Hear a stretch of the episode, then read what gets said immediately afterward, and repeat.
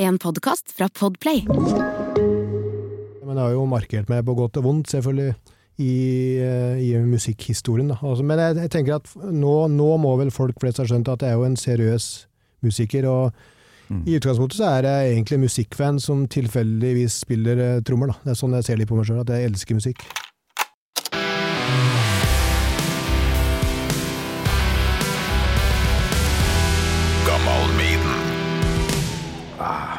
Har du hørt noe på Gammal Maiden, så vi vet litt hva det går i? Uh, ja, jeg har hørt både før og etter du ringte meg. Første gang jeg hørte det var når min gode venn uh, Peter Wegem var her. Det, Fra Blood Tsunami og flere bandprosjekter? Blood Tsunami og Mongo Ninja. Ja, ja, ja. ja, ja. Så det var inngangsporten, og da hørte jeg mye en stund. ja. Ja. Så godt, godt å vite at du Ja. vet litt hva det går i, da. Ja da. Se der, ja. Står Kristoffer bak deg. Kristoffer Schou på- skal på Metallica-podkast. Ja da. Jeg Sånn er det. trøblete med sånn åpne vinduer. Jeg skal faktisk dra ned den der gardina her. Blir da så distrahert av alle de kjendisene utom her. Det er sånn det er. Du har jo spilt med Kristoffer òg, du. Ja da, jeg har gjort det også. Det var Mongo Ninja. Mongo Ninja, ja. Det- Det skal vi høre et lite klipp av. Jeg har laga potpurri og greier. Så vi, vi kjører bare i gang. Kult. Med Torkil Thorsvik. Bård Eitun, hjertelig velkommen til Gammal Maiden. Tusen takk. Og Faust det er vel òg et eh, ja, artistnavn? Du bruker det fremdeles? Ja, bruker, og det henger jo med, da. Eh, Heng med. vanskelig, vanskelig å kvitte seg med. Så det, nå er det litt sånn eh, om en annen. Ja. Kan bruke begge to. ja. Litt, litt kjent under uh, Eitun blitt òg, da. Sånn på sikt, ja visst. Hvordan går det med deg om dagen? Eh, nei, det humper og går, som jeg sier til alle som spør. Det er eh, tidsklemma for oss alle, og det er jobb, og det er band, og det er familie, og det er eh, en eh, balanse, da. Som eh, de som er i vår alder, og ja, det, altså de som holder på med det vi holder på med, har, har den, eh, hva skal jeg si, den kampen hver dag. Mm. Få alt til å gå opp. Det er jo et vell av band du har vært innom. Jeg vet ikke, har, har du flere nå, eller er det Djevel som er hoved? Nei, Nå er det djevel som er fokus, da. Det er litt, henger litt sammen med at det er uh, Altså Man har jo entusiasmen og interesse for musikk, men man kan ikke Altså man lever ikke av musikk. Jeg gjør ikke det. Eh, med god margin. Jeg lever ikke av musikk, så jeg må ha jobb. Og Dagjobben er Hva gjør du eh, sånn jeg er eh, transportleder for et avfallsfirma, så jeg har ja. hovedansvar for en haug med lastebiler. Så det avfall? Altså renovasjon? Ja, renovasjon, ja. Ja. Det er jo ingen det, altså Jeg bruker å si begravelsesbyråer og avfallsbransjen, de består. Det skal godt gjøres at det blir borte. Oh yes. Så- Jeg har vært innom, innom det sjøl. Stått på søppelbil Ja. og mala containere og Ja. gjort det meste. Skåret opp metall, og så Ja. du må få aluminium ut av Ja. tørketromler Ja, ok. og bla, bla, bla. Det er mye greier. Da har du litt uh, kjennskap til det. Ja. Det, det er en eh, ja, Det er en fin jobb, men altså jeg har jo, ja, som vi snakka om, jeg har ett band. da. Mm. Man har jo vært i den posisjonen tidligere at man kan spille i flere band. Uh, men det er altså jeg og altså mine eh, oss på min alder, da. Uh, du, du når et metningspunkt. Og så er det litt sånn som med Djevel, da. Det er, eh, kan si det er et veldig produktivt band ved at vi gir ut skiver ofte, men vi spiller live det vi ønsker, og vi eh, tar det, altså vi tar det litt lugnt, da. Mm. Da ble det jo forsyne meg en Spellemann også, så det Ja, grattis! Takk. Didn't see that coming, som det heter. Men uh, det er morsomt å få en liten sånn uh, anerkjennelse. Det er jo helt Altså Djevel er vel på slutten av det potpurriet jeg har satt sammen. Jeg har tenkt å liksom bare gå gjennom en brøkdel av det du har holdt på med, med Ja. noe snutta Da. Hvis jeg har Mhm. kløpt litt stygt, så må du bare Ja. Ja, jeg må bare beklage det, men eh, her er ett minutt med, med Faust på, på tromma.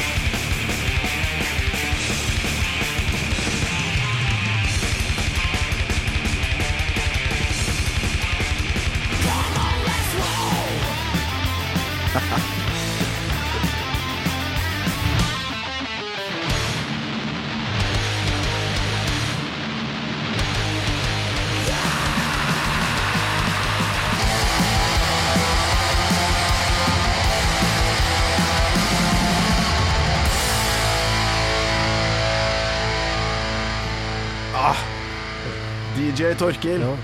Der var det mye jeg ikke har hørt på lang tid.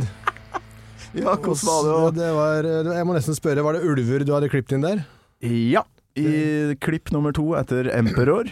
Den har jeg ikke hørt på kanskje 20 år, altså når uh, Jeg fant ut at du fader. er med på The Future Sound of Music Ja fra sånn rundt utgitt i 2000. Kan Stemmer det det. stemme? Stemmer det. det Så var- da, jeg må ta med litt av det, bare for å få litt spekter her, da.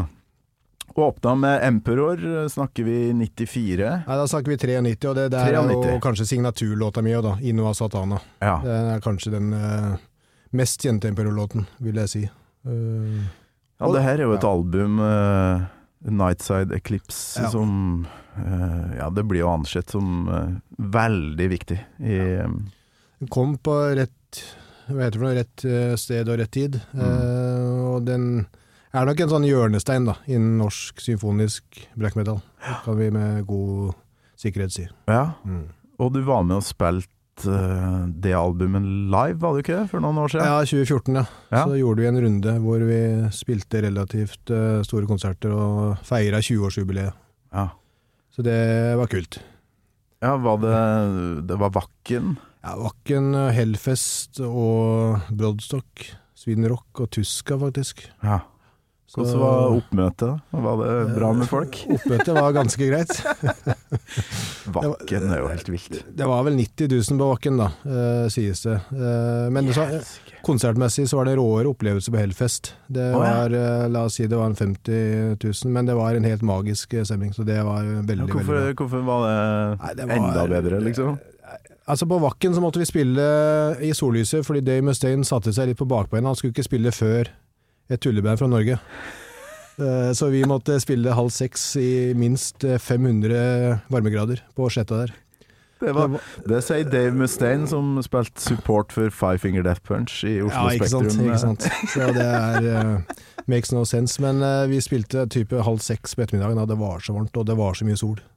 Ja. Og det var uh, ikke nok med det, men eh, Megadeth var også forsinka, selvfølgelig. Altså, produksjonen vår måtte flyttes helt frem på scenekanten, så jeg satt sånn type halvannen meter bak Vegard, da. Vegard Tveitan. Ja. det, var sånn, det var litt sånn der, litt spesiell opplevelse. Men uh, altså, det var kult, men eh, Hellfest var nok det råeste. Altså. Det, der gikk eh, sola ned mens vi spilte, og det var maks stemning. Det er noe med svartmetall i dagslys. Ja. Det er uh, Stemninga der som Black metal det er en pretensiøs sjanger, det er det. Veldig selvhøytidelig og litt sånn uh, Man skal liksom Man skal ikke tulle med det. mm. Og det er noe med det i sollyset, og så det, kan det fort falle litt gjennom. Nå kjører vi ikke Emperor sminke lenger, da. Det hører jo gamle dager til, men eh, likevel Ja. så er det Det tar seg bedre ut i Mm. solnedgangen. Ja visst. Videre her, da. Etter Emperor og Ulver, så var det litt skum.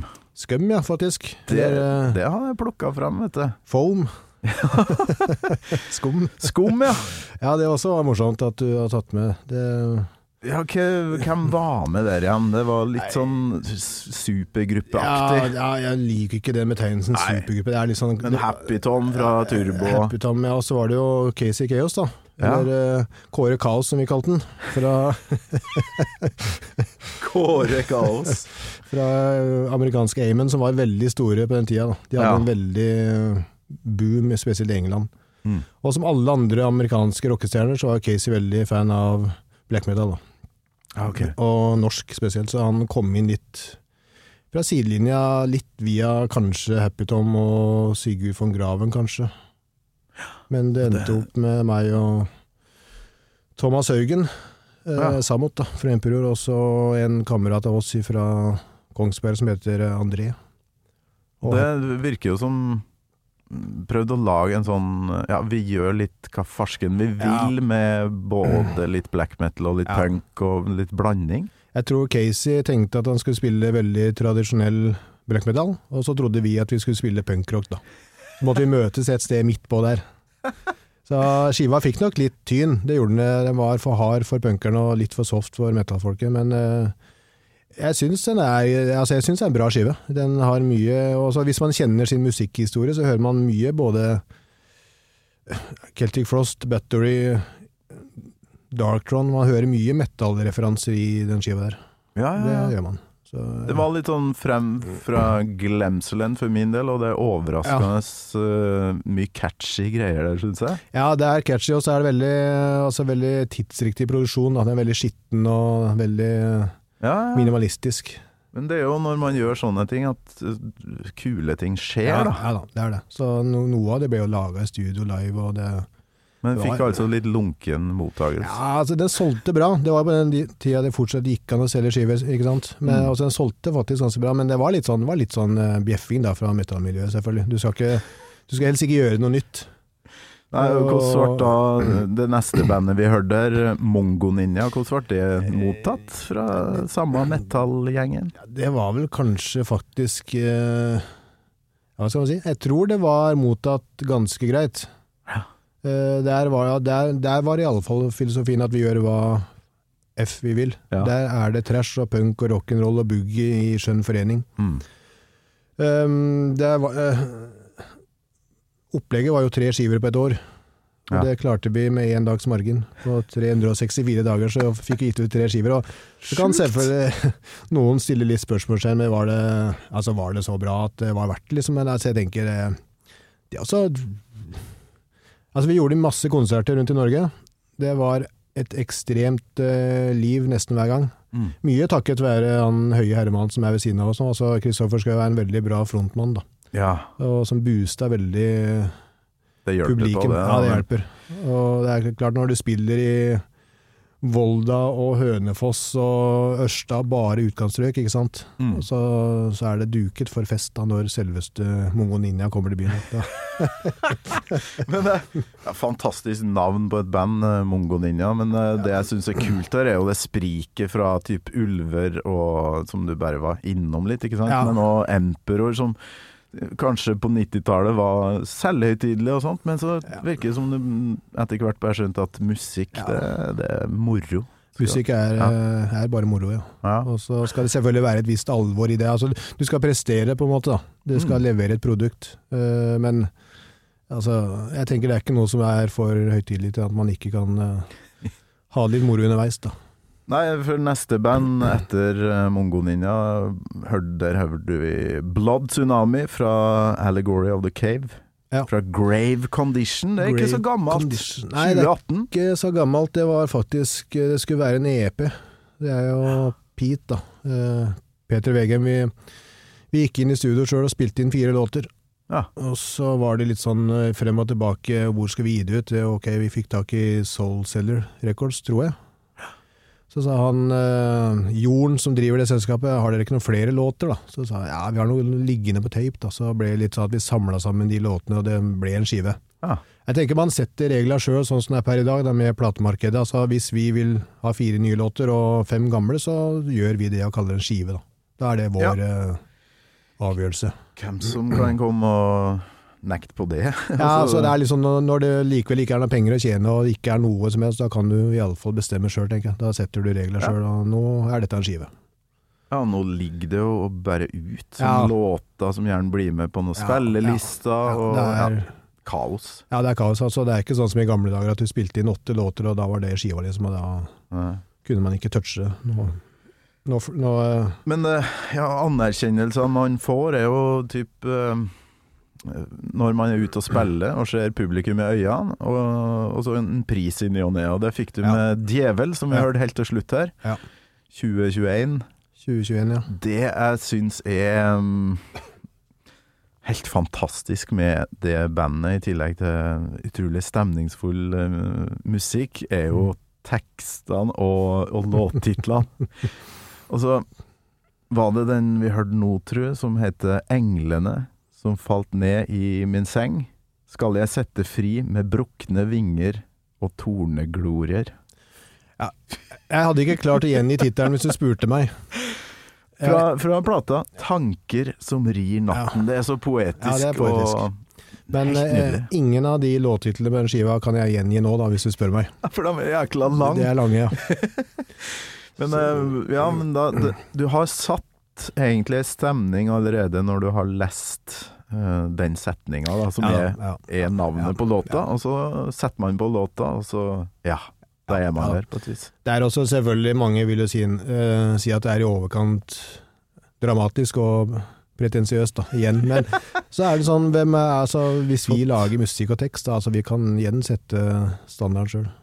Ja, Så er det sånn eh, take it or leave it, tenker jeg da. hvordan eh, Jeg har jo skjønt det er flere black metal-gjester har hatt innom her som har snakka om at det er et miljø der man snakker mye om andre band, og hva som er true, og hva som ikke hva, Hvordan mottagelse mottakelse har Djevel fått i det der eh, miljøet? Det er egentlig urovekkende bra, for jeg er litt bekymra nå for at vi holder på å bli et sånn hipsterband. Og det, da er det full krise, skjønner du. Da må man begynne å mobilisere andre veien. For det Altså, jeg tenker eh, i vår sjanger, da, det som jeg kaller eh, melankolsk black metal, altså en veldig sånn litt svevende black metal, så er det eh, det er mange band, men det er ikke så mange band som gjør det så veldig bra. Da. Og jeg føler vel at vi har um, um, truffet en uh, nerve på, altså med musikken vår. Ja. Og uh, nå er vi på en ganske bra flow, vil jeg si. Uh, det er ingen, ingen problemer med mottakelse, iallfall. Men det kan fort slå feil vei, da, som jeg, altså med tanke på det å bli oppfattet som et hipsterband. Ja, Det, det bekymrer meg litt.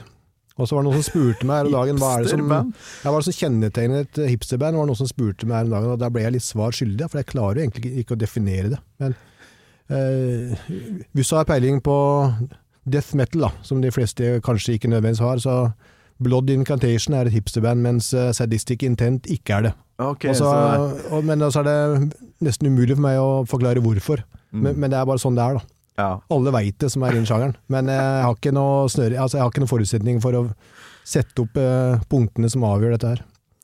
Men, Typisk eh, greie, det der. Ja, veldig sånne her nerdeting og sjangerting og nisjeting, da. Mm. Som betyr veldig mye for de som er der. Og, altså jeg er, ikke, jeg er ikke veldig opptatt av det, men jeg er litt bekymra når mitt eget band holder på å bli litt hipster, da.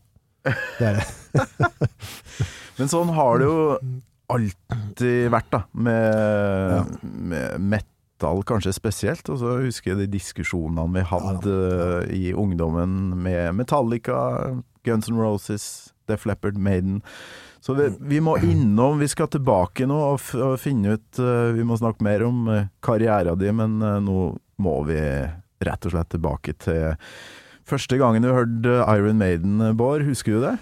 Jeg vet, det jeg tenkt litt på nå, for jeg veit jo du stiller det spørsmålet. Eh, og så har jeg litt sånn herre Det er vanskelig å sette fingeren på akkurat når det var, men det er én mann som er ansvarlig for det, og det er Tor Rune Haugen. Og det overrasker meg at ikke flere har henvist til han og 1001 Watt da, i det programmet her, for det var ja, om jeg skal si helt avgjørende, det vet jeg ikke, men veldig ja, det hadde mye med min oppvekst å gjøre, at 1001 Watt på radio. Jeg tror det er en to-tre gjester som har eh, nevnt han, og så har jo han heldigvis vært innom sjøl. Han har vært det også, ja? Ja, ja, ja. Ok, på konseptet Gammal Midden? Jepps. Ok, da har ikke jeg sjekket ut den, men det skal jeg sjekke ut. Ja, det var en herlig gjest, altså. Ja, ja, det, altså, det er lyden av barndommen for meg når jeg hører stemmen hans. Da blir jo jeg skjelven etter å bli starstruck når Ja, det er en gamle radiostjerne her. Da, det skjønner jeg godt, altså. Jeg husker jeg satt og jeg, altså, gjorde opptak da, som alle andre på min alder på den tiden. Altså, Mm. tok opp, jeg husker ikke om jeg tok opp hele programmet fra A til Å, eller om jeg starta når det kom en kul låt, men mest sannsynlig tok jeg opp alt. Jeg tenker det var The Number of the Beast, men jeg har også en sånn uh, idé om at jeg har hørt uh, Phantom of the Opera veldig, veldig veldig tidlig. Ja, okay. Men uh, det er der det ligger et sted, da. Og det er 1001 matt, helt garantert. Han var jo utrolig viktig for veldig, veldig mange på Ja. den tida her. Ja, det var han, Uh... Jeg bodde jo altså, Som så mange andre da, som eh, på en måte har havna i min sjanger, og på min alder, så bodde jeg på et eh, sted som kanskje ikke var verdens navle, altså Kvikne i Østerdalen. Eh, så det, ah, ja. altså, altså, det var ikke noen musikkbutikker der. Nei. Det, da måtte vi til type Trondheim, da. mhm. Så all, all eh, informasjon om musikk det gikk jo f.eks. via radio. Mm. F.eks. via et uh, undergrunnsfanzine som het uh, Street Fighter, som ble gitt ut av en kar i Håviland. Ja, Fem, seks, sju og det er òg nevnt eh, tidligere her, altså. Sæmund Moshagen het han uh, karen, forresten. Og så var det en mail Han, han må jo innom Han han burde også innom, ja, faktisk. Ja. Hvis han, for han Han finnes, han. Han finnes, Sæmund, eh, ja. så vidt jeg vet, og det var en, faktisk en ganske informativ blekke, som var på norsk. Og, Mm. og så var det også en sjanger, altså det var ikke en sjangerbestemt, det, det, tok for seg metal i sin helhet. Ja. Så det var veldig bra. Hadde ikke du og fanzine etter hvert? Jo, jeg hadde også en fanzine. Den var mer eh, nisje, da. Ja. Orkustus. Ja. Var, da var det veldig svart. Der var det absolutt ikke snakk om å ta inn hele sjangeren. Så jeg, jeg har jo også vært borti den biten der. Mm. Jeg, altså jeg ser den gleden i å kunne oppsøke informasjon, da, som, øh, som du kanskje må lete litt etter, og sjekke ut. ja. Det er en glede som kanskje ikke Altså Nå skal ikke jeg dra det gamliskortet hele tida, det er så mange som syns, som syns at jeg gjør det, men øh, det har på en måte vært det at du må leite etter informasjon. Mm. Du må søke opp, og du må kanskje låne kassetter, altså opptakskassetter. Du må skrive brev. Ja, altså den letinga, da, i stedet for å ha alt uh, tilgjengelig.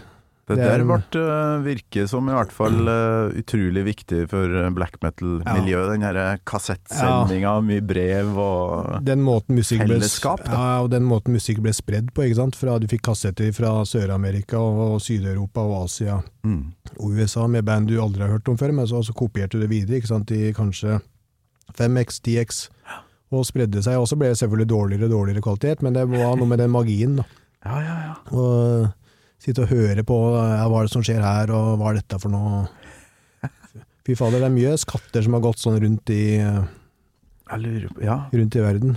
skal vi se Tor Rune Haugen, ja. Viktig kar for for eh, black metal-folk og oss uh, rockeinteresserte generelt. Og nå fant jeg et klipp her som jeg Jeg tror det er han som snakker om den anmeldelsen han skrev av Kan det ha vært eh, første liksom eh, Mayhem? Den herre rosa Der han, ja, der han snakker om, eh, eller skriver da om eh, Maniac og, og vokalen. Eh, må høre på. Tør jeg virkelig å levere dette her? Altså, jeg, enten kommer gutta til å ta humoren, eller så blir jeg jagd ut av byen med høygafler. For jeg, altså, jeg skrev om vokalen på ett punkt der. Og da, du, du blir vel tatt av lufta når dette her blir sitert, sannsynligvis. De, de sa det på TV, faktisk. At jeg, det jeg skrev var altså For det første så klarte jeg ikke å høre om plata skulle spilles på 45 eller 33. Og for det andre så karakteriserte jeg vokalisten at det låt omtrent som Margaret Thatcher i ferd med å bli fingerkjørt av kaptein Krok. Det ble en veldig fin episode der. For Ja. han, eh, ja, han uh, har jo humor på det her, Ja men han sleit jo, som Ja. veldig mange andre, med black metal i starten. Jeg, jeg skjønner jo det. det er jo, Du skjønner det? ja, men jeg skjønner det. Han er jo en annen generasjon enn meg, da. Ja, ja, ja. Eh, Det, det er jo Altså Man skal ikke forvente at folk som kanskje har vokst opp i en helt annen tidsalder, skal skjønne greia med en gang. Mm. Det skal man ikke gjøre. Men det er jo endog musikkens natur at den skal utfordre og kreve litt av det. ikke sant? Og det er jo Ja. antageligvis av Altså Du har en ny generasjon hver generasjon, da. Mm. Og det utfordrer på samme måte ja, altså enhver ny generasjon som kommer. Mm. Eh, Sånn som foreldra våre sikkert også hadde. da. Oh yes. Så vi Du og jeg kommer også snart til å riste på huet og være oppgitt over avkommets valg av musikk, hvis ikke allerede har skjedd. Men eh, vi kommer til å gremmes og skamme oss og være flau. Det skjer, men jeg prøver å holde Ja, kjeft. ja. jeg vil ikke, Ikke være han derre pappaen der. Men eh, det er altså Tor Rune Haugen på Ja. radio, muligens, som er din, ditt første møte med Maiden. Hvor, eh, du sa du var oppe i Østerdalen i barndommen. Ja. Hvor Bodde- gammel var du da? Ja, det er jo vokst opp i Østerdalen fram til jeg var 16 år. Ah, Så jeg har jo hele barndommen der. Jo skikkelig bygda? Ja, det er skikkelig bygda. Det er eh, ordentlig bygda, altså. Det, Der er det Altså, hva skal jeg si. Det var null musikkmiljø. Eh, la oss si jeg hadde et par kamerater som var interessert i heavy rock, da. Mm. Men det stoppa der. Eller altså interessert i metal. Men eh, det var kun jeg som både dykka dypt inn, da. Gikk all in. Og eh, ja, det var litt sånn som jeg tenkte på her om dagen, at man måtte jo prøve å finne noen type postordre. ikke sant? Så var det et firma i Trondheim som het Mail Music. Jeg husker logoen i dag. Det var bare en sånn fotokopiert eh, eh, hefte, da. Okay. Lefse. Med noe, altså det var skrevet på en gammel skrivemaskin, og der kjøpte jeg en del kule skiver. da. Og så ble det litt sånn at jeg ringte de, da, eller de, det var sikkert bare én person, og så ble jeg litt sånn kjent med han og snakka om noen skiver og sånn. Da kanskje han 12-13-14 år. Ja. Men hvordan starta du da i, eh, i metallband, black metal, hvordan kom du deg inn i det miljøet? Litt av dumveier, som gjelder egentlig alle også, eh, av mine medsammensvorne. Jeg begynte jo i et band som het Stigma Diabolicum i Trondheim, som Mm. senere ble Thorns, Ja. eh, med Snorre Ruck og Marius Wold.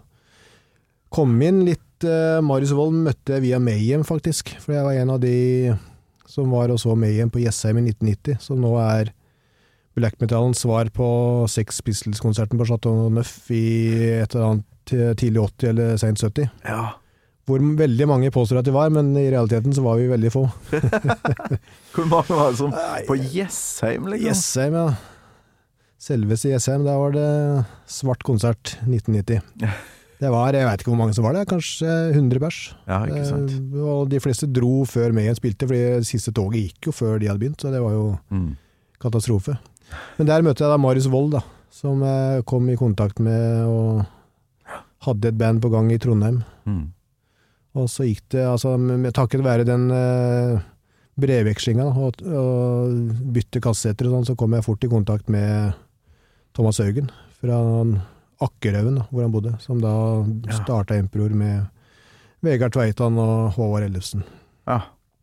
Så der, er... Miljøet var så lite, ikke sant. Så hvis jeg spilte et instrument, så var det altså, det skulle, det skulle godt gjøres ikke havne i et band. Ja. Eh, så ja, det er eh, Men var det sånn rett i øvingslokalet, og med tanke på at nå skal vi lage noe som eh, som ikke ligner på det vi har hørt før, eller hva var tanken, liksom? Det er andre som har spurt også om det. altså, Og spurt om den klassiske Emperor-takta. Den eh, dun, dun, dun, dun, dun, dun, dun. Altså hvor det her kom ifra. Hva som var inspirasjonskilden. Og så har du selvfølgelig alle de klassiske banda. Mm. Battery, Celtic Frost, Venom og selvfølgelig Mayhem var jo en eh, påvirkningskraft. Men altså jeg er fortsatt litt svar skyldig på når den norske for du, du hadde jo altså Alle de norske bandene som fantes på den tida, de hadde et særegent sound. Og du hører umiddelbart hvilket band det er, da, hvis du er hvis du er i sjangeren. Mm. Og jeg er litt usikker på hvor bevisst det valget var. Altså Du kan tenke deg en slave, da. Ja. Ivar Persen var i 14 år når de spilte inn den uh, Yggdrasil-demoen, som er en vanvittig bra demo den dag i dag. Og da, altså, da snakker vi at han var ett år yngre enn sønnen min er nå. Mm. Uh, så det er det, Ja, det mangler nesten sidestykke, den derre Hva skal jeg si um, Altså, vi var så unge, da. Mm. Eh, som en liten kuriositet, da, så den låta du spilte med Emperor, Innova Satana, den har et veldig i, øyn, eller i ørefallende kor, Mm. som, veldig, som også ble litt sånn signaturkoret. Og det koret kom utelukkende fordi Vegard Tveitan han var ikke gammel nok til å komme inn på garasje i Bergen. Han var 17 år, så, så han ble sittende i studio med pytten for å bare teste noe. ting. Ok. Og det han bare testa, da, det ble det koret, da, som ble sånn signaturkor i all ettertid. Så det er okay. så Altså, hva skal jeg si, så små var marginene for hva som skulle bli skapt og ikke, da. Og så ble det jo vanvittig bra, ikke sant. Så det er sånn uh, uh, Altså, vi var 17-18 år, Mm. så Utrolig uh, fascinerende Ja, å det er høre. Så, eh, det er ikke så mange sjangere som har den samme Altså, som har det eh, Hva skal jeg si Medlemmer som er så unge. Altså, eh, alle er unge, og alle Mm. skaper eh, det, altså en type musikk som er ganske banebrytende. Og eh, altså Skjønte dere det da, at det var Nei, vi gjorde nok ikke det. Nei. Men eh, hvis du hører på de eh, kjernebanda i dag, da, så vil du eh, Altså, det er som jeg sa, du hører umiddelbart hvilket band som er hvilket band. Det er så eh, så karakteristisk, det savnet. Mm. Enslaved, Immortal, Darktron, Mayhem, Emperor. Ja, ikke sant. Så det er litt morsomt, da. At det var mulig å skape noe som var så eh, eh, distinktivt og Ja, særegent. Er det noe som du lever litt på? Kjenner mye Ja. Emperor-fans Ja. og snakker med deg, eller? det er på godt og vondt, for jeg snakka litt med mine bandkolleger nå i eh, Djevel, vi som har spilt eh, i forrige helg. I Nederland og Østerrike. Og så hender vi ler av litt sånn gamle band i vår sjanger som holder på å bli parodier. Men så, så, så sier jeg også at jeg, jeg kan liksom ikke leve på to skiver som jeg spilte inn for eh, 30 år siden, for all tid. Det må, altså, på et punkt så må jeg gå videre da, og legge de litt bak meg. Og det, og det føler jeg har gjort, selvfølgelig, men det er jo selvfølgelig en del Emperor-fans når vi spiller konserter. Mm. Uh, og om det er det for å se band i sin helhet eller meg, det er noen annen sak. Men Altså, man, man må på en måte ta huet litt opp av bakken og se hvor man er, da. Og så må man vurdere om man har noe mer å gi, og hvis man har det, så kan man fortsette å gi ut musikk, tenker jeg. Men uh, i det øyeblikket man på en måte repeterer seg sjøl, og kanskje ta to skritt tilbake, da må man også vurdere å avslutte, tenker jeg. Mm. Og det er nok en avgjørelse som mange band sliter med i dag, da, hvor eh, medlemmene kanskje lever av bandet. Ja. Og kanskje kvier seg for å trekke ut eh, kontakten, for da er det slutt, og da er inntektskilden borte, og da er den, det livet over. Da.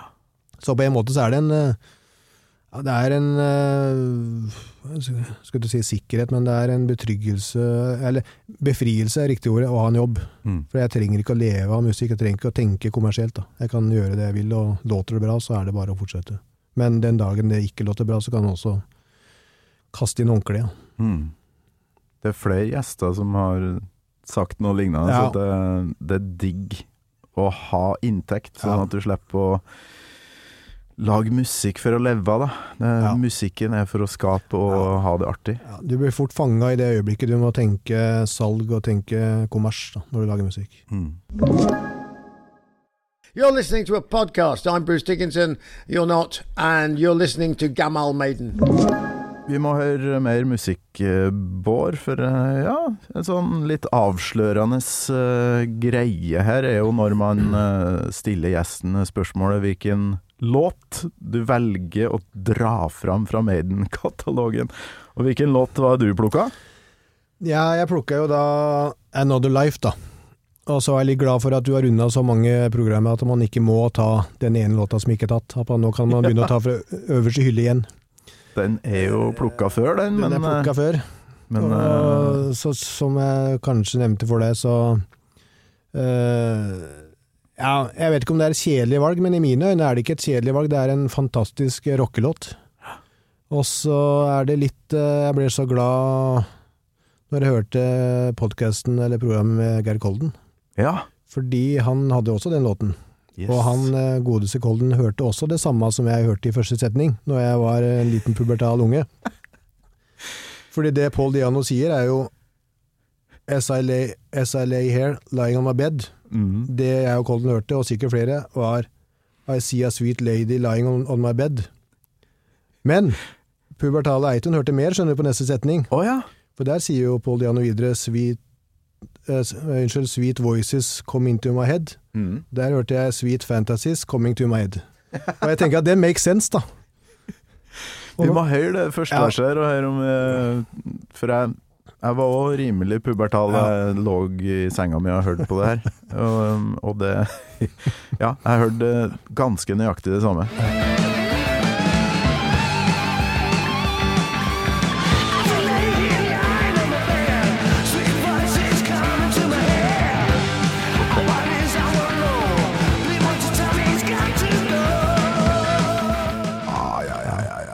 Altså, jeg, jeg hører jo nå at det er Voices, men jeg, jeg ville høre i veldig mange år at det var, eh, at det var Fantasies.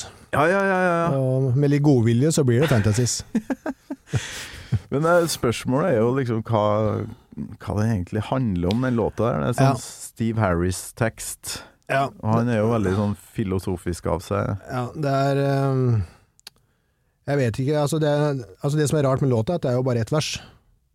Som går igjen Ja, som tre går ganger. Tre ganger ja. Ja. Uh, og jeg vet ikke om det er en, om det er en suicidal tekst, jeg vet ikke. Altså, det kan se litt sånn ut. ja. Men det, det, det passer vel kanskje ikke inn i Maiden Nei, de to siste sånn sett, setningene But I'm so tired of living I might as well end Ja. Ja. Det er jo veldig, veldig svart, da. Ja, men vi kan jo høre um, Nå flakser vi veldig. Som regel så bruker jeg å være kronologiske, men Ja. nå må vi høre uh, det samme som jeg spilte av for um, Mr. uh, Geir Kolden, da. Når, de, når Bruce Dickinson uh, sang den her på um, en eller annen konsert i 1982, så sier han at det handler om en fyr som uh, går uh, over the top og så ned igjen. Så det er okay. mange som tror at det kanskje handler om noen som dør, men får en ny sjanse. Et ja. nytt liv, Mm. der man får leve sånn som man egentlig burde ha gjort, eller bla, bla, bla. Så uh, kan jeg høre den introen. This is a song off the Killers album. It's about a gentleman who goes up top and comes back down, has another go. It's called Another Life!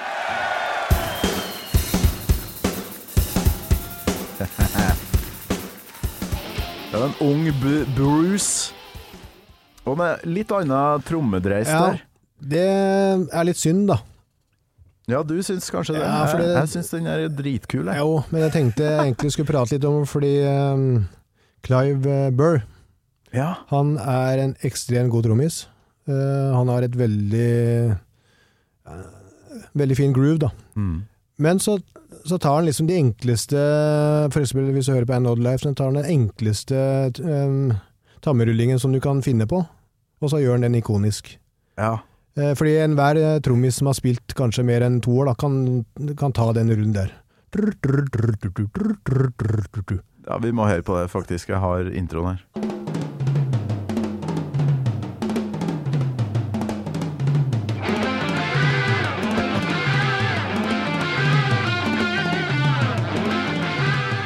Jeg har jo en lillebror som er trommis, og Ja. fra kjellerstua det trommesettet sto, så kom jo dette her Ja, i starten, Ja, når han var fersk. Og Det er det som jeg syns er så tøft, at han tar på en måte nesten det mest eh, primitive du kan gjøre, og så gjør han det til sitt. Og så blir det ikonisk. Fordi uansett da, hvor du er fra verden og hvor gammel du er, hvis du har hørt, hvis du har hørt Arne Maiden, så kjenner du igjen det der umiddelbart. Mm. Og det samme er med Run to the Hills, hvor han bare ligger og pumper på high-hat og bassrommet, og Ja. litt tam. Og også på um, Running Free, hvor det har litt mer sånn ompa-ompa. Ja. Ja, ja, ja. Og da gjør, altså han gjør det så enkelt, da, men samtidig så er det plutselig det er så ikonisk med en gang. Clive Burr altså, tar Ja. eh, enkle eh, ingredienser og bare Ja, gjør det ikonisk. Det er så tøft. Ja, for du er jo trommis sjøl.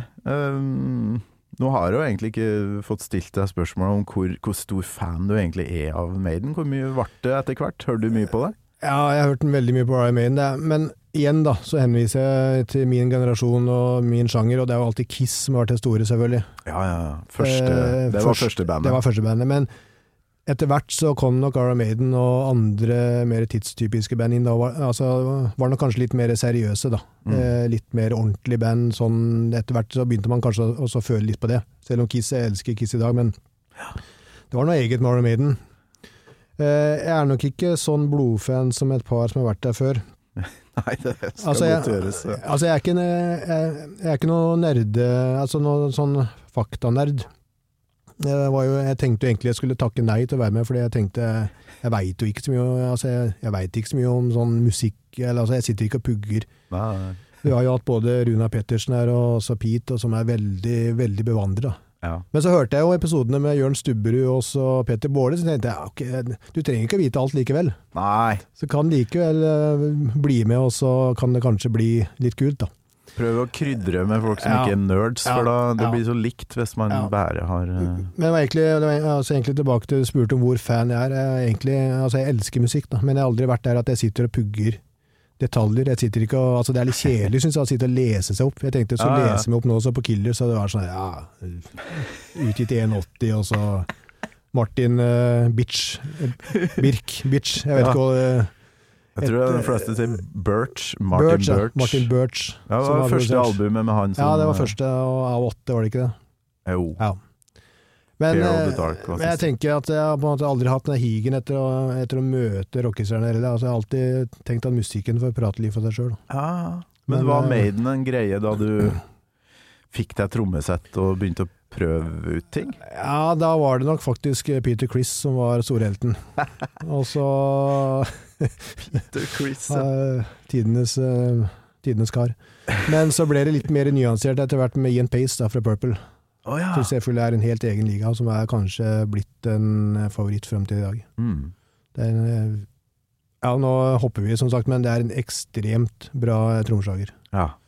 Så eh, det var nok ja. Men jeg har eh, hørt mye på, på Maiden, altså i trommesammenheng. Det som er litt morsomt da med Dette blir jo dette blir nerdespråk, men med Clive Burr og Nick McBrain er at hvis du hører over eh, Hva heter det for noe? Altså overlappinga fra The Number of Beast da, til Peace of Mind. Mm.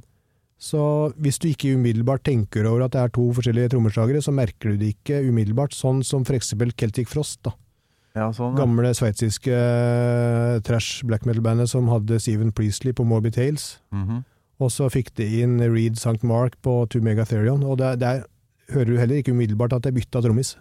Ja, ok. Det virker nesten som ny trommis har lagt seg litt opp til stilen på gamle trommisen. Ja, sånn. Og det er litt tøft. Eh, Jeg har ikke jeg har ikke møtt andre som tenker sånn. Det er mulig at det er bare noen som sitter i mitt hue, men eh, du kan tenke på neste gang du hører Hører eh, gammal Maiden opp mot uh, Nico McBrain Maiden. Ja, sant. eh, og det, men det, det hører vi på liveopptaket i dag, at han, han har tatt mye av de små uh, små krydderet til uh, Clive Burr, og Ja, ja, ja.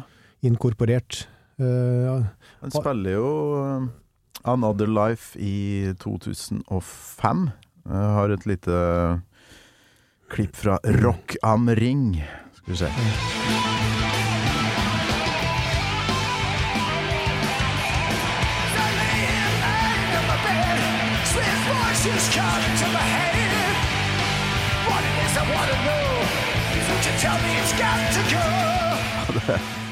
Det var kanskje ikke så veldig mye magi på trommene akkurat her, men uh, Det er jo Jeg syns det låter tøft, det, altså. ja, ja, ja. Det er så beintøft at uh, Og så for min del, den derre bassen som ligger der hele Ja, tida. ja. Det det er uh.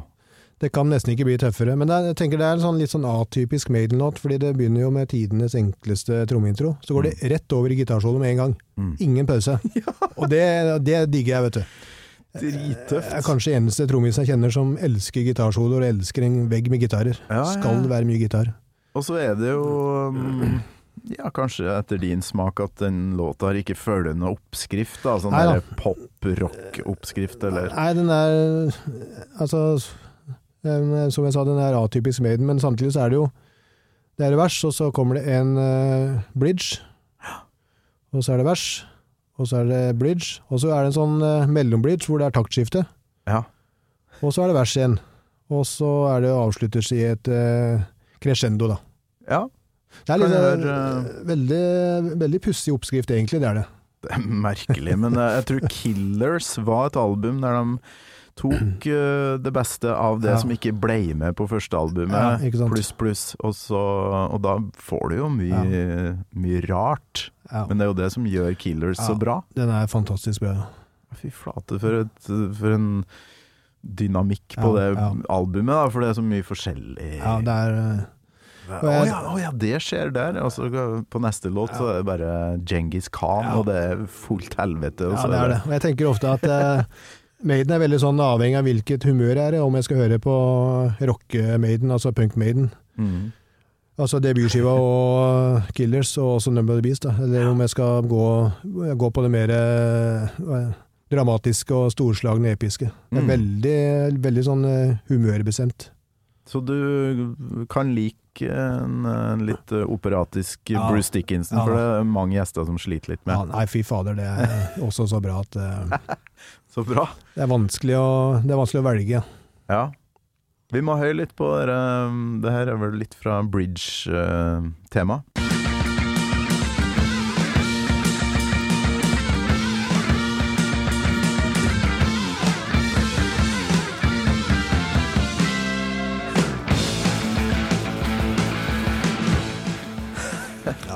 Der er det twin-solo med en gang. Ja, men så digg med den der overgangen her. Sånn, ok, nå er det partiet her over. Ja, ja. Og så ett slag på skarptromma, og så går vi videre. Dun, dun, dun. Det er dritbra. Ja, det er- er- Trenger ikke noe mer. Og så syns jeg også um, um, trommelyden er veldig Den er veldig bra. Mm. Um, på, spesielt på Killers og også The Number of the Beast. Mm. Du hører det på den uh, The Prisoner, hvor du hører basstromma. Du hører, du hører som det slakket i skinnet. da. Ja, ja, Du hører at det snatrer litt, på en måte. Og det, og det, altså det finner du ikke i dag. Introen på Prisoner, det Ja, den, er, den er helt verst. Det er også sånn barndomsminne. Det er også sikkert Tor Rune Haugen, tenker jeg, som var ja. uh, spilt på radioen. Helt sikkert. Hvilken eh, låt var det han uh, valgte seg i Jeg lurer på om han valgte seg 'Children of the Damned'. Ja, Det var liksom hans uh, Ja. gromlåt. Ja. Han har jo intervjua Bruce mange ganger, og Ja. eh, ja, Ja. kjenner gutta, han, vet du. Ja, ikke sant. Men så har vi jo eh, det andre litt uptempo-partiet, som òg funker fjell, for min del.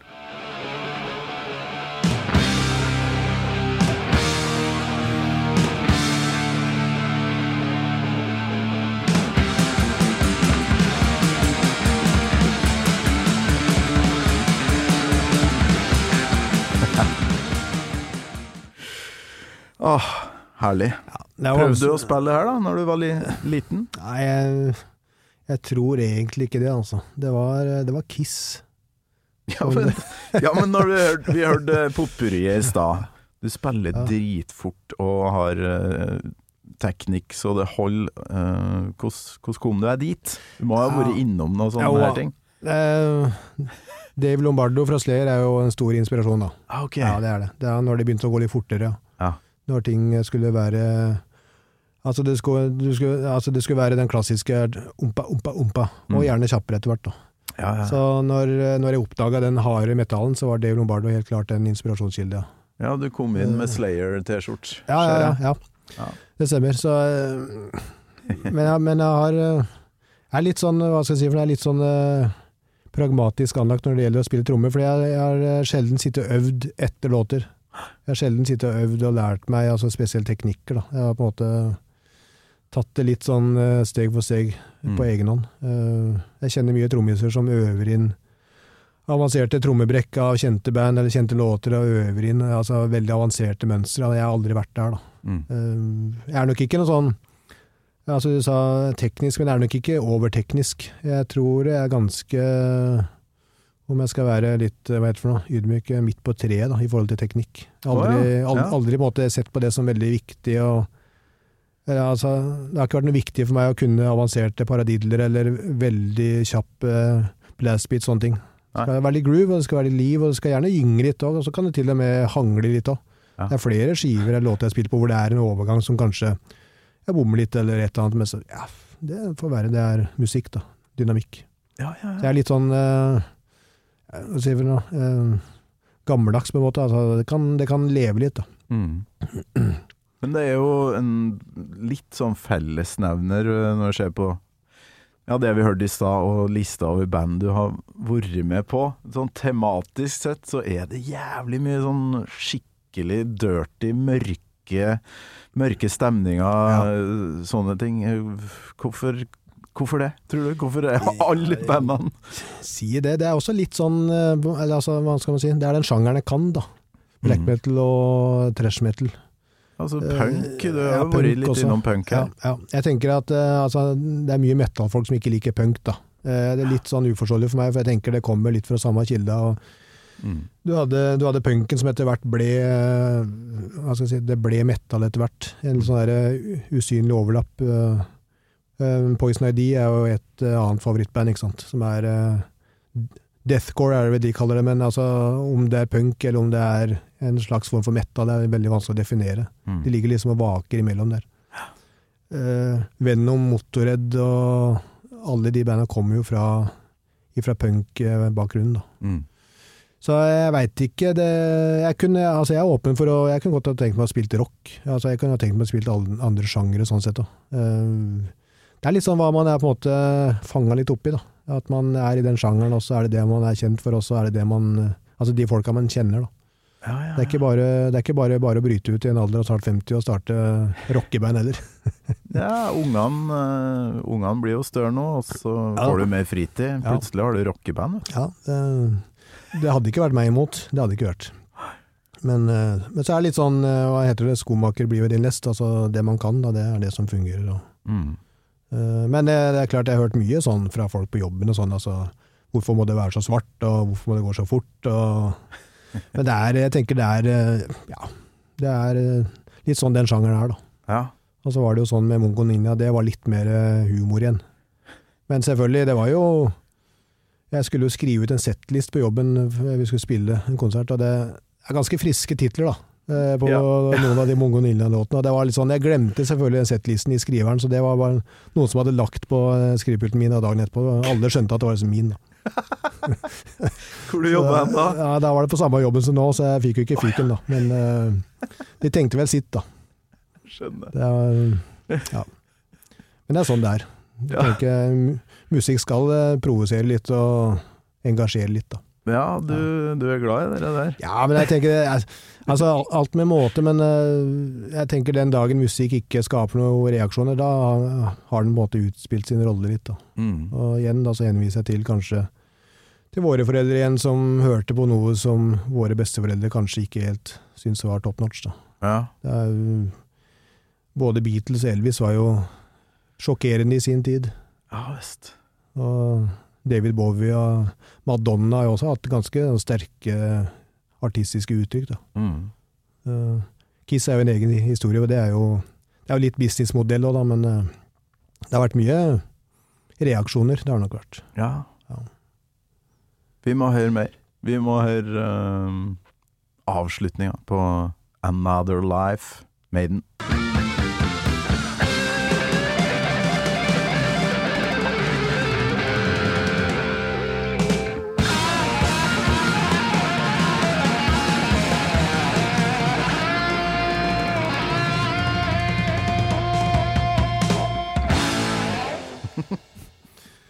Ja, det, sånn skal det gjøres. Det høres jo ut som de holder på å avslutte et ti minutters langt epos, men så er det bare en rockelåt som er ferdig. Ja, jeg husker ikke hvor lang den er. Det er. Er det en sånn tre minutter? Ja, sånn tre, tre og et halvt kanskje. Utrolig bra Men det er jo beintøft, da. låtvalg. Ja. Ja, men Du sendte meg en melding om at uh, kanskje litt kjedelig valg, men det er jo det motsatte. Det, det her er jo ikke kjedelig. Jeg tenkte jo på det en gang når jeg, eller ja, den første gangen jeg hørte podkasten din, at skulle jeg vært med, så hadde det nok blitt, blitt Another Life, da. Ja. For jeg, jeg vet ikke hvor den, hvor, altså, hvor den låta kommer ifra, i forhold til når jeg på en måte kicka på den første gang, men det er en, jeg syns det er en veldig, veldig god låt. Jeg Mm. liker den eh, flyten i låta, da.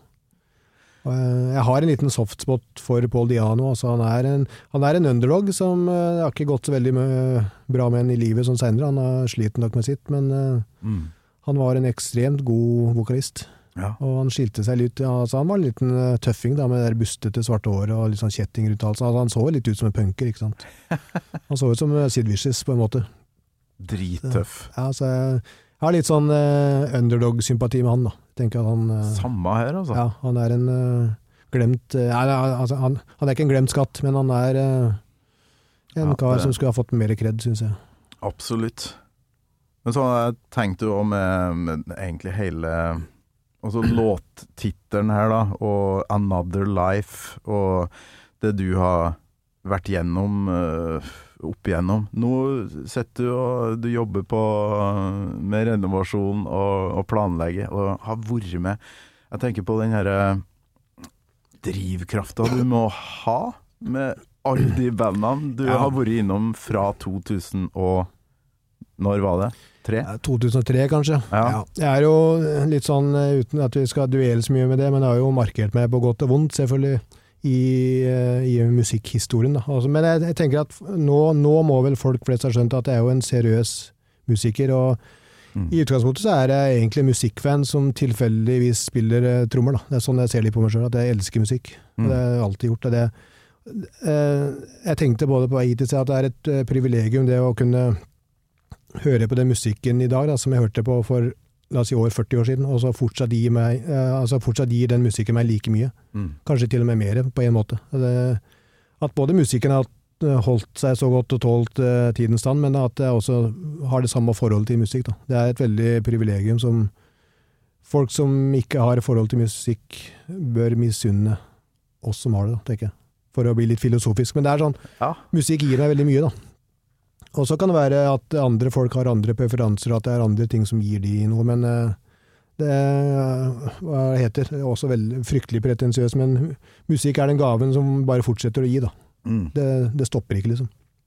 Hvordan er musikkmiljøet, da? For jeg, jeg tenker jo på deg eh, som et bevis på at eh, samfunnet fungerer, rettsvesenet fungerer. Ja. Det går an å få en ny sjanse. Ja. Eh, Hvordan er musikkmiljøet der, når du liksom møter nye folk og vil starte band og bli med på ting? Jeg har alltid vært en del av miljøet, da. Eh, Så sånn sett har det gått greit. Eh, Kjenner mye folk? Ja, jeg kjenner mye folk, og stort sett er det greit. Det var nok litt annerledes faktisk når jeg begynte med Mongo Ninja, for da møtte jeg altså Da var jeg plutselig litt utenfor eh, komfortsona mi. Da møtte jeg en del av Rocke-Oslo. Eh, en del av rockemiljøet som jeg vanligvis ikke hang med. Altså, for noen så tror jeg kanskje det var litt sånn uh, uvanlig, eller uh, uventa, da. Mm. Uh, men eh, stort sett så er det så er det vært veldig greit. Det du sa akkurat nå, det jo, har jo også eh, Sigurd von Graven sagt, dette med at det er på en måte et bevis på at systemet fungerer. da. Det går an å bli ferdig og Mm. starte på nytt. da. Eh, så for meg så er det Altså, det er en ting jeg tar med i betraktningen, sånn i forhold til alt jeg driver med, men eh, nå per i dag så kan jeg ikke la det hindre meg å eksempel holde på med, med musikk, da. For jeg, jeg tror jeg har fått eh, altså at folk flest har skjønt at det er en musiker. Eh, det er det jeg på en måte er i utgangspunktet, og vil holde på med. da. Ja, det tror jeg vi har fått bevist ganske greit eh, i løpet av en time her òg, med bare det lille ettminutters potpurriet her. Ja da. Musikk er viktig for deg? Altså. Ja, det er vel egentlig fellesnevneren for de fleste som har vært der, òg, som jeg sitter og hørt på, da, at det er Ja. musikk betyr veldig mye. Og så er det sånn at man har gode dager, og så har man dårlige dager, og så er det kanskje musikken som alltid på en måte er der og sparker deg litt bak og får deg litt opp og kickstarter litt, da. Mm. Så, Får du eh, videreført det her til kidsa? Ja og nei. Jeg har tenkt at de skal få bestemme litt sjøl. Ja, ja. Jeg prøvde en liten stund. Jeg- Altså, sønnen min har vært med og sett Arla Maiden eh, tre ganger. og Twisted Sister og Kiss, eh, og det er sikkert kanskje noe han syns er kult, men nå har han gått videre til uh, noe som kalles uh, bygderapp. Han har også et annet ord for det, jeg husker ikke, det er uh, hinsides min uh, kunnskap. Men så lenge han digger det, så er det greit. Altså, eh, ja. det største ved at jeg var på Spellemannsprisen, var jo at jeg fikk tatt et bilde med hagle, da. Så, oh, ja, ja, så vi får bruke det, altså alle får ha sine motiver, tenker jeg. tok du selfie, Ja, jeg liksom? måtte ta selfie, ja. Så bra, det. Så hadde jeg en eh, bandkollega som så etter Tix på samme arrangementet, så det er sånn Vi lever vel ikke helt opp til myten, men, men det får være. Faust på utkikk etter hagle for å, for å ta selfie eh, og vise fram til kidsa. Ja, ja da. Så du var, sånn. var du på eh, Tons og så Maiden sist? Ja, det var jeg. Det var egentlig veldig, veldig bra. Ja, det var det. Det er eh, vet, altså det som er Mara Maiden, de blir bare bedre og bedre. Ja, det er helt sjukt. Alle andre band de går andre veien, men Dickinson synger like bra. Og jeg veit at Nico McBrain han sier jo sjøl det er låter i dag han ikke kan spille live, da. Fra spesielt Seven Son, kanskje, sånn, så Mm. det er veldig intrikat. Men fader, altså, han er jo, han er jo 70 nå. Ja, det var det jeg skrev i den uh, konsertanmeldelsen dagen etter, at jeg, hvis jeg skulle utsette på noe, så måtte det bli litt Nico mot slutten her. The Ja, Trooper ja. og Run to the Hills var Ja. litt sånn slapt. Ja da, det er, men eh, det er jo det er litt lov 70 år, for faen. Ja, 70 år, ja. Du hører litt på siste skiva at de har lagt seg ned på et ganske behagelig tempo. Ja, ja. Siste skiva, altså Det er egentlig samme tempo i hele skiva. Mm. Og så er den kanskje Kanskje den skiva er ti minutter for lang, jeg vet ikke, men uh, igjen, da, det er jo Arne Maiden. Ja. Og de gjør jo som de vil, og det Og nå skal de ut på farske meg turné Ja, igjen neste år. Ja. Jeg skjønner ikke at de Altså, jeg lurer på hvor de finner energien, da. Hvor er det de henter den derre ekstreme motivasjonen ifra? Det er eh, Nei, det, blir ikke Deja Vu-låta, i hvert fall, for den er ganske heftig for Nico. ja, ja, det er sant. Men eh, jeg tenker at eh, litt sånn vi får ta det vi får, da. Og Ja, altså den Også sceneproduksjon. Ja, det ja. blir jo flere og flere Ja. Eddie her. Blir Før var det liksom du venta på den ene. Ja. Jeg så jo jeg så Iron Maiden på den tida hvor de ikke var noe eh, Altså hvor det ikke var populært å være Iron Maiden. Da. I jeg tror det var 92 i Spektrum, på, sikkert på Fair og The Dark-turné. Ja, ja, ja, ja. Eh, det var første gang jeg så Maiden. Jeg var litt eh, sent ute med å se Maiden, det var jeg. Mm. Det hadde litt å gjøre med hvor jeg vokste opp og sånn, men eh, eh, da var det jo litt tungt å spille heavy metal og tungt å være Arne Maiden. Mm. Men det tok seg jaggu brått opp utover 2000-tallet, det altså. Det er helt vilt. Kanskje noe av det beste jeg har sett på Maiden er på Valle Hovin i 2007. Ja, Så- eller 8, kanskje. Ja, 2008 kanskje, ja. Ja, Ja. Det, det var, var- en helt fantastisk bra konsert. Er helt sjukt. Det var faktisk min første. Det er jo nesten, Ja. Jeg blir nesten flau av å Ja. si det, men Nei, men det, da var jo det absolutt en god start, da. Ja, fy flate. Rhyme of the Ancient Mariner og ja, mye sånn Starta med Aces High, Ja, og det var, det var en sånn klassisk Maiden-konsert.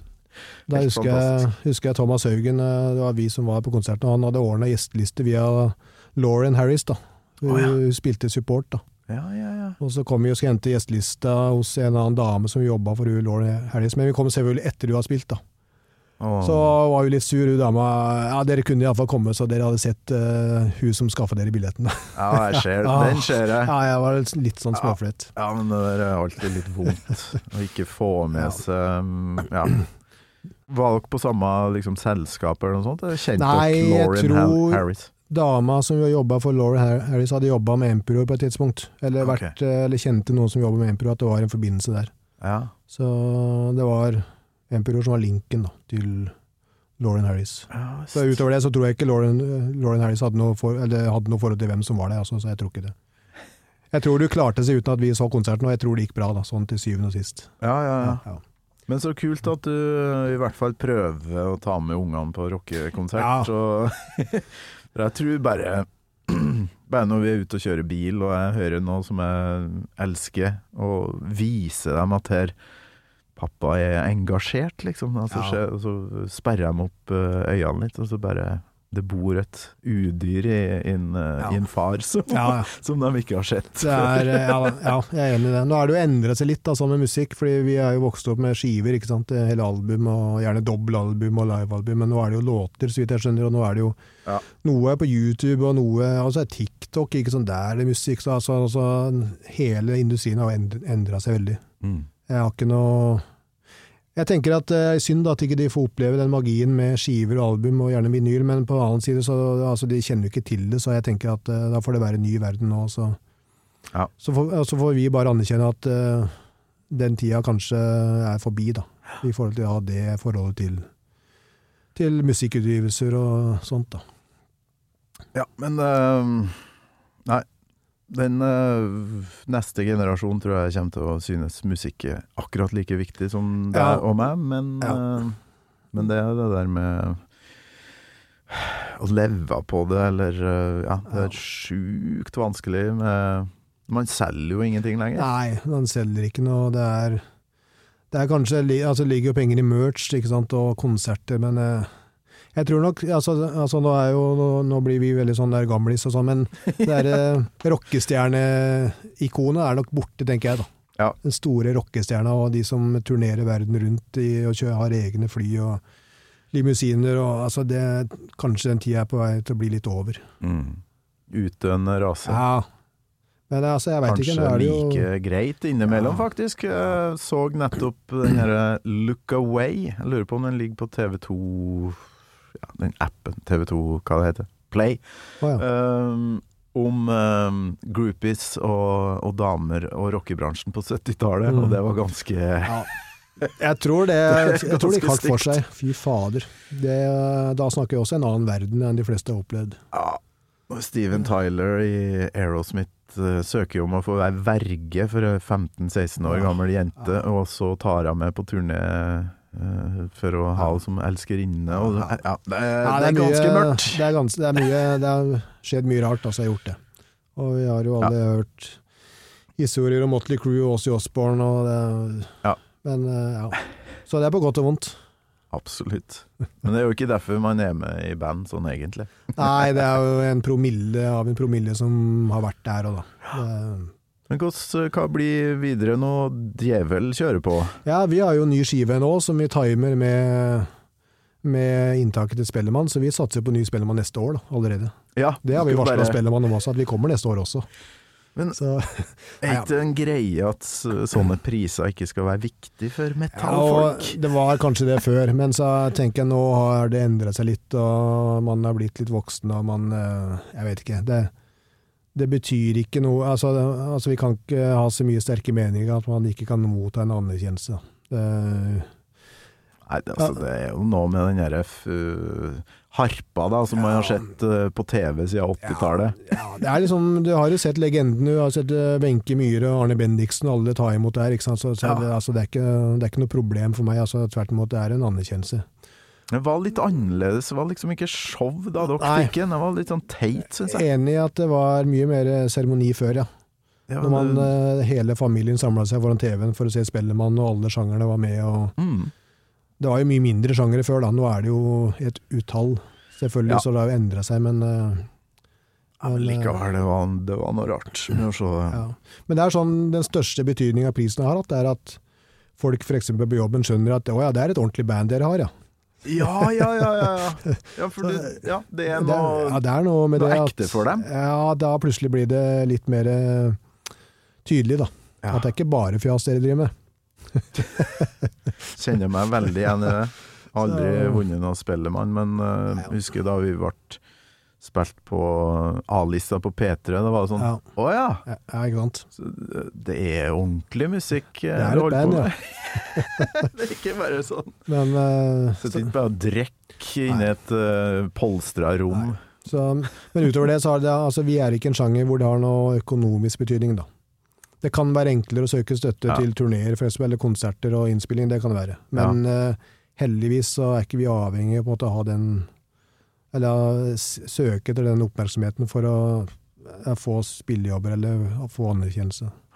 Og det er litt deilig, for jeg så mange av de som var der, at det er litt sånn Mange er nok veldig avhengig av den å være på TV, altså bli vist på TV. Mm. Jeg klarte jo å stå midt i skuddlinja på TV, og jeg, uten at jeg skjønte det. Så, jeg- så, jeg- så er sånn, sånn eh, motsatt eh, kommersiell, da.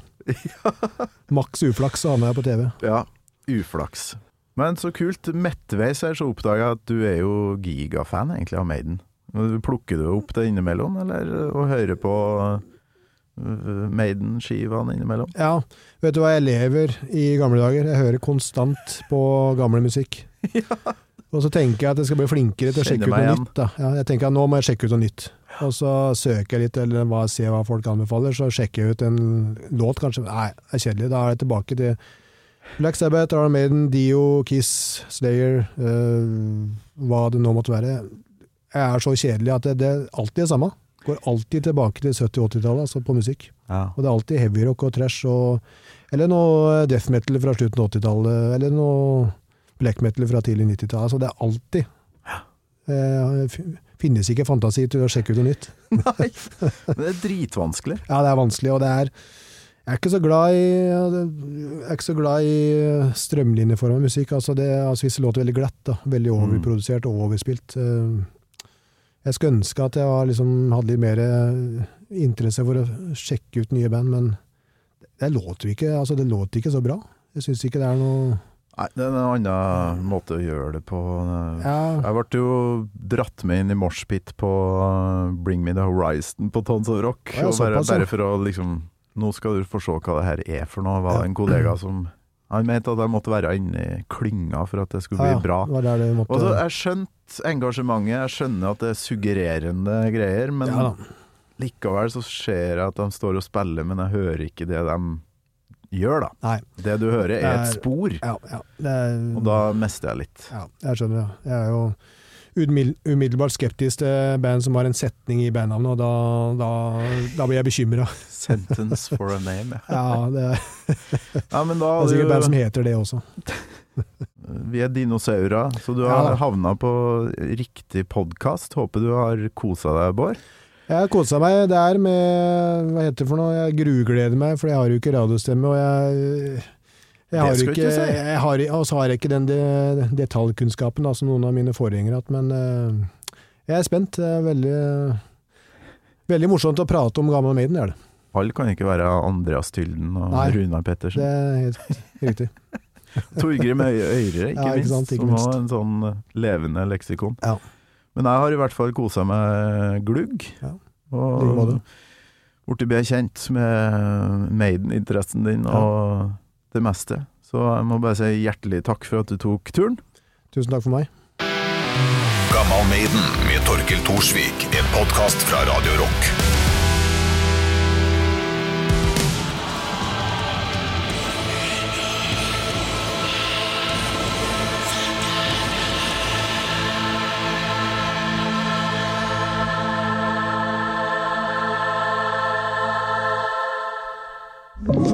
Du har hørt en podkast fra Podplay. En enklere måte å høre podkast på. Last ned appen Podplay, eller se podplay.no.